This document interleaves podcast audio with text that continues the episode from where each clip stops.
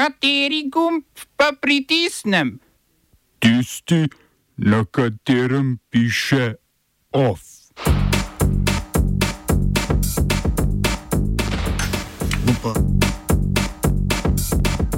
Francoski parlament sprejel protimigransko zakonodajo. Fran Evropski parlament in države članice z dogovorom o novem paktu migra o migracijah in azilu.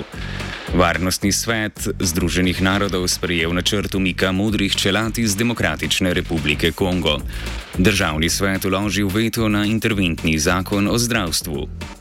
V kulturnem obzorniku dokumentarec Fierce a Porn Revolution na LGBT filmskem festivalu.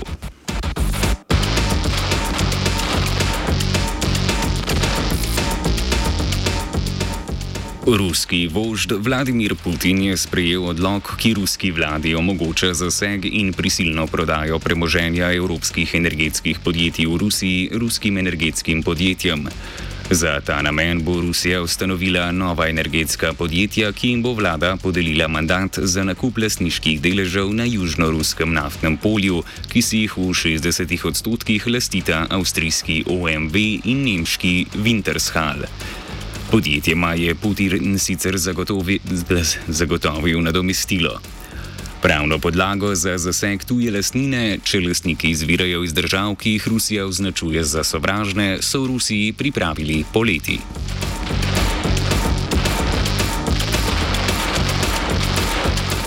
Ruski oligarh Oleg Deripaska in avstrijska Raiffeisenbank sta se pogodila o prenosu Deripaskovega deleža pri gradbenem koncernu Strabag. Štrabak, približno 30 odstotkov premoženja Štrabaga, ki si ga lasti Deripaska, je zaradi evropskih sankcij proti Rusiji zamrznjenih. Raiffeisenbanka bo tako preko ruske ščerinske družbe v gotovini izplačala Deripaskov delež v vrednosti okoli milijarde in pol evrov. Ščerinska družba pa bo lasniški delež na krovno Raiffeisenbanko prenesla s pomočjo dividend. S tem se bo Deripaska lahko izognil evropskim sankcijam. Svet Evropske unije je medtem sprejel 12. paket sankcij proti Rusiji zaradi napada na Ukrajino. Ponovem bo v Uniji prepovedano trgovanje in uvažanje diamantov ruskega porekla in izvoz sankcioniranih dobrin v tretje države preko Rusije.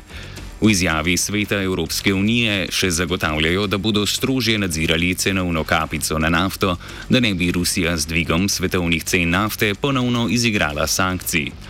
Poleg tega je se je uvajanju omejitev uvoza železa in jekla iz Rusije pridružila Švica.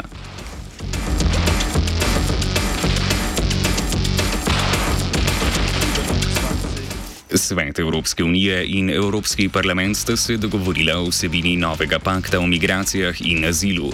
Pakt med drugim upeljuje pospešene azilne postopke, standardiziran postopek zbiranja osebnih podatkov prosilcev in sistem tako imenovane obvezne solidarnosti. Med državami, ne z migranti, seveda. V solidarnosti z bolj obremenjenimi državami bi druge države od njih sprejele prosilce za azil, če tega ne bi želele, pa bi lahko namenile denar za represijo na evropskih mejah. Dogovor vključuje tudi določbo o izrednih razmerah, ki bi državam omogočila omejitev dostopa do azilnih postopkov. Ta določba bi dovolila poostritev nadzora na meji in časovno nedefiniran pripor migrantov brez podaje konkretnih razlogov. Države bodo ponovem lahko prosto presojale v tem, beguncev, iz katerih držav sploh ne bodo dovolile zaprositi za azil. Pakci v svetu Evropske unije in Evropskem parlamentu prizadevajo urno sprejeti pred evropskimi volitvami junija prihodnje leto. Čeprav jim to v treh letih, odkar je Evropska komisija dogovor predlagala, ni uspelo.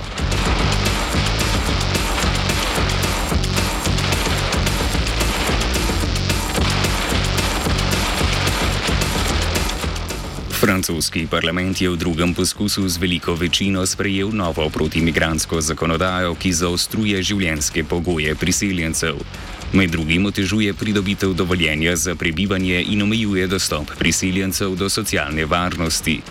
Do socialnih programov bodo lahko dostopali le tisti, ki v Franciji živijo vsaj pet let. Zakon dodatno omejuje pridobitev državljanstva otrok rojenim staršem brez francoskega državljanstva. Tujim državljanom bodo oblasti lahko odzele francosko državljanstvo v primeru storitve hujšega kaznivega dejanja.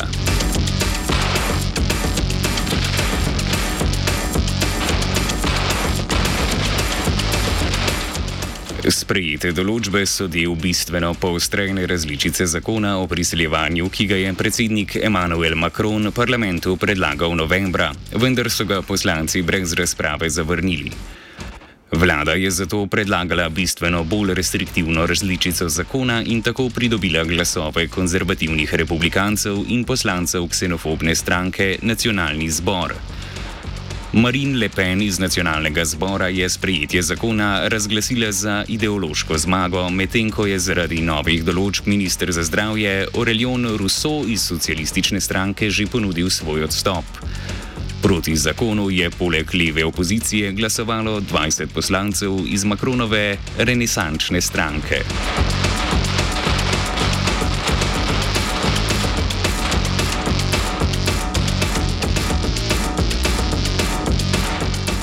Grški parlament je sprejel zakon, ki olajšuje pridobitev začasnega prebivališča za migranske delavce. Odslej bodo lahko priseljenci za dovoljenje za bivanje zaprosili po treh letih na mesto sedmih, če bodo uspeli dokazati, da so zaposleni v Grčiji. Glavni razlog za sprejetje izhaja iz pomankanja delovne sile na kmetijskem področju. Konzervativna vlada Kirjakosa Micotakisa navaja, da bo ukrep povečal državne prihodke, saj bodo lahko delavce, ki trenutno delajo na črno, tudi obdavčili. Zakon so podprle vse stranke z izjemo treh skrajno desnih in desnega krila vladajoče nove demokracije. Kljub temu je novi zakon še vedno dokaj restriktiven, saj ne omogoča pridobitve stalnega prebivališča ali državljanstva ter ne vzakonja politike združitve družin. Pravico migrantov do azilnih postopkov grške oblasti na morju in otokih ustrajno kršijo.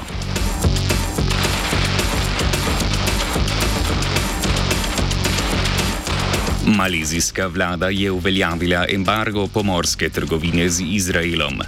Po novem bo vsem plovilom, ki so v lasti Izraelcev ali so v Izrael namenjena, prepovedan postanek v malezijskih pristaniščih. Od leta 2005 so to lahko počela, če tudi Malezija Izraela uradno ne priznava. Protesti proti genocidu v Gazi so v večinsko muslimanski Maleziji spodbudili vlado Anvarja Ibrahima, da dovoljenja razveljavi. Ibrahim je hkrati pojasnil, da zaradi embarga ne pričakuje bistvenega upada trgovinske dejavnosti. Skozi Malajsko ožino poteka večina morskih trgovskih poti med vzhodno Azijo in Bližnjim vzhodom ter Evropo.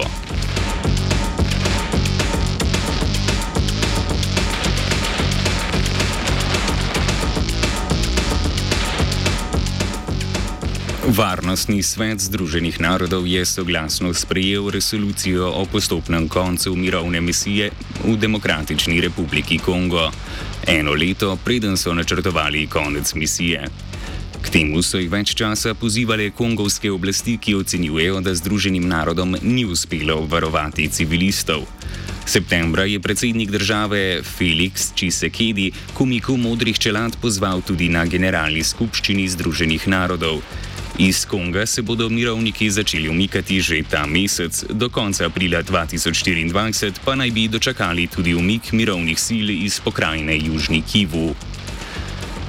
Od maja 2024 bo misija MONUSCO prisotna le še v pokrajinah Severni Kivu in Ituri. Gre za vzhod države, ki meji na Ruando.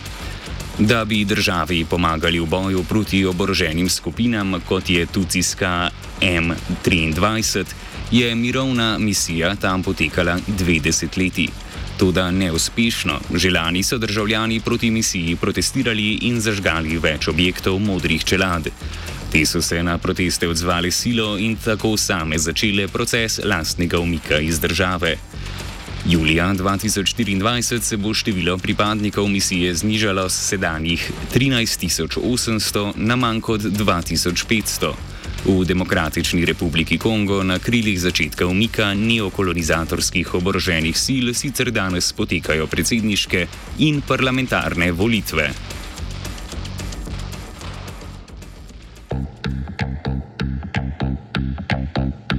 Smo se osamosvojili, nismo se pa osvobodili. Da si našteli še 500 projektov. Izpiljene modele, kako so se strani nekdanje LDS rotirali. Ko to dvoje zmešamo v pravilno zmes, dobimo zgodbo o uspehu. Takemu političnemu razvoju se reče udar. Jaz to vem, da je nezakonito, ampak kaj nam pa ostane? Brutalni obračun s politično korupcijo. To je Slovenija, tukaj Slovenija, Slovenija, Slovenija.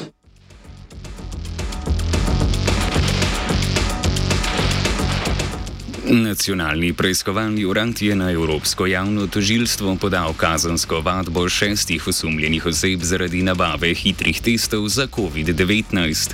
Osumljeni naj bi zlorabili svoj položaj pri izvedbi javnega naročila in izvajanju pogodbe za dobavo testov, zaradi katere je bil proračun oškodovan za približno milijon evrov. Rabote vlade Janeza Janše odkriva tudi Komisija za preprečevanje korupcije, znana kot KPK. Zaključila je prekrškovne postopke proti Boštjanu Koritniku, Marku Borisu Andrijaniču in Jožetu Podgoršku. Pri nekdanjem ministru za javno upravo Koritniku in ministru za kmetijstvo Podgoršku je ugotovila nasprotja interesov pri izplačilih nadomestil za neizkoriščen del dopusta, saj se nista izločila iz postopka.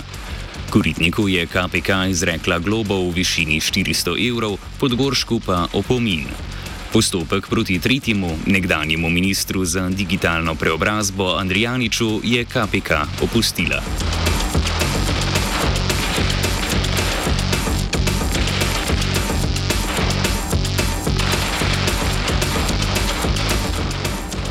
Državni svet je z 20 glasovi proti 8 izglasoval odločilni veto na zakon o interventnih ukrepih na področju zdravstva, dela in sociale ter zdravstvom povezanih vsebin. Zakon, ki ga je državni zbor sprejel v četrtek po zagotovilih vlade, ureja uvajanje obveznega zdravstvenega prispevka. Med številnimi rešitvami zakona, ki so ga spisali po začetku ministrovanja Valentine Prevolnik Rupel, je omejitev najvišjega bolniškega nadomestila. Poleg tega bodo morali delodajalci bolniško nadomestilo zaposlenim plačevati prvih 30 dni, ne le 20, kakor doslej. To je seveda razburilo najrenljivejše, oprostite, najobčutljivejše med nami, delodajalce. Vodja interesne skupine delodajalcev v državnem svetu Jože Smole je tako potarnal, citiramo, podaljšanje bolniške odsotnosti v breme delodajalca z 20 na 30 dni bo ponovno in dodatno obremenilo slovensko gospodarstvo, ki je trenutno izpostavljeno visoki ravni tveganj in negotovosti, gospodarskemu ohlajanju, visoki inflaciji, visokim cenam energije in posledicam avgustovskih poplav. Konec citata. Hvala prostotržnemu bogu gospodarstva, da se delavci s takšnimi problemami ne srečujejo. Poslanci državnega zbora, v katerem ima koalicija Gibanja Svoboda, Levice in socialnih demokratov udobno večino, bodo morali o zakonu glasovati znova, verjetno v petek, ko je predvidena izredna seja.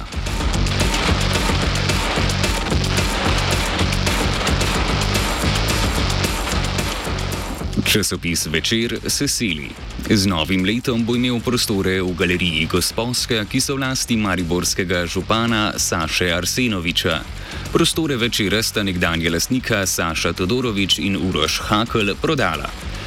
Podrobnosti novo podpisane najemniške pogodbe še niso znane, direktor večera Miha Klančar pa razkriva, da je vključena tudi možnost odkupa najetih prostorov, do česar v kolektivu večera ostajajo skeptični.